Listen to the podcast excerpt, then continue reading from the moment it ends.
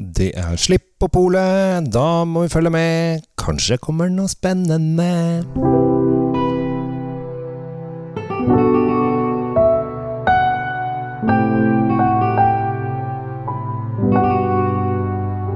Hei, hjertelig velkommen til en ny episode av Kjell Svinkjeller. Nå 1. november så er det da novemberslipp på Kongelig Norsk Vinmonopol, som eh, Harald Rex sikkert er eh, beskytter for. Jeg håper det. At de har en Jeg vet ikke om de kan, de kan kanskje ikke ha en beskytter, men kanskje det hadde vært Harald Rex. Hvem vet.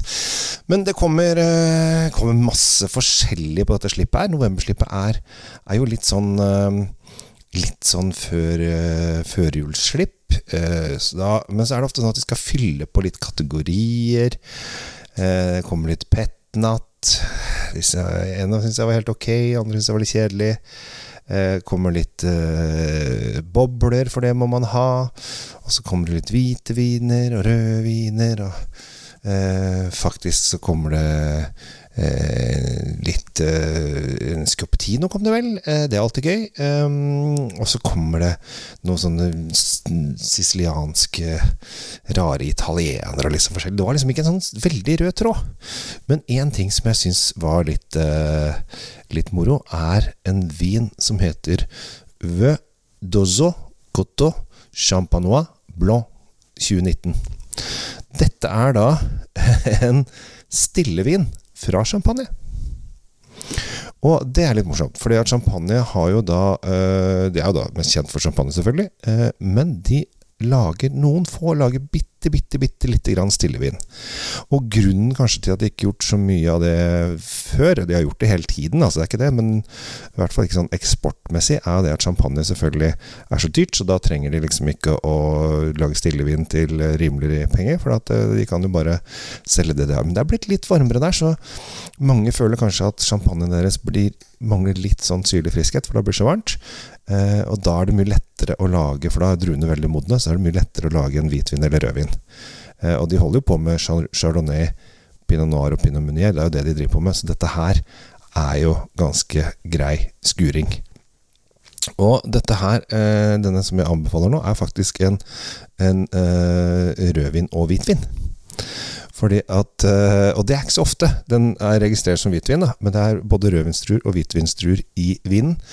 Fordi at her antar jeg, uten at jeg eh, kjenner det, var helt nyhet på polet, jeg har smakt den på polsmakingen. Da vi, blir vi vinjournalister invitert inn til eh, rett ved siden av operaen, eh, inne på Bjørvika der. Og så eh, smaker vi gjennom Var det 80 nyheter eller noe sånt som, som kom. Eh, og så eh, er det da hvordan Vinmonopolet har tenkt litt. Ja, nå har lyst til å satse på det, og nå har lyst til å satse på det. Så liksom, eh, og så skal de fylle opp i litt kategorier og liksom forskjellig. Så dette her er jo Vi er jo ikke hos importøren, der importøren prøver å fortelle mest mulig om produktet. Her sier polet bare at denne skal vi ha, og så må vi eh, vinjournalister egentlig forholde oss til det og så smake på det. Ja, den var god, den var dårlig, eller den var sånn passe. Eh, og så er det også et testutvalg som er litt fascinerende. Da er det eh, importører Det er noen importører, dette går på runde, eh, som da får lov å velge én av sine viner som de får lov å ha i hylla på polet i et halvt år. Og hvis den selger godt nok, så kommer den inn i hylla for godt. Og da dytter den ut en som er inne i hylla i den kategorien. Og hvis den ikke selger godt nok, så, så pleier de av og til å bare droppe hele greia, men da har den kanskje Kanskje i basis er, Nei, i bestillingsutvalget. Det er noen som får den inn fast på ganske mange pol. Eh, så da lar de den være, men det er ofte prøver de ting som jeg syns er helt ko-ko. Jeg syns kanskje testutvalget denne runden her var litt kjedelig. Da var det noen som safa litt for mye. Men uansett, tilbake til denne Veuve d'Osso Coteau Champenois Blad 2019. Dette er da 50% chardonnay, 50% pinot noir. Men når du presser en rødvinsdrue veldig fort, så du, blir det hvitvin. Så øh, for som du kanskje har lagt merke til, så champagne er stort sett gjennomsiktig og blank. Så her har de da presset Jeg antar at dette her er champagnebase. Som de har smakt på, så tenkte de nei, dette her tar vi heller og legger på et, øh, et øh, fat, og så lar vi det bare være vanlig hvitvin. Eh, fordi at det det blir, er en, eh, en ganske saftig, eh, fatpreget, litt rund, eh, bakt sitrusvin med litt modent eple. Eh, litt sånne nøttetoner. Eh, og en sånn passe god friskhet. Altså den, den, det er ikke sånn sitrussyre, men det er, en ganske, det er en syrlig friskhet. Men den er liksom ikke Oi, den var syrlig. Den er mer en sånn uh, rund sitrusfriskhet. Men også tenker du åh, så kult, dette må jeg prøve. Det er sikkert grisebillig. Eh, det er det selvfølgelig ikke, for det er champagne. Eh, så det koster 345 kroner. Eh, og den kommer da i rødt og hvitt. Det er den hvite jeg snakker om nå, men de lager også en rødvin. Og da antar jeg jo da at de lager på 100 eh, pinot noir på vanlig måte.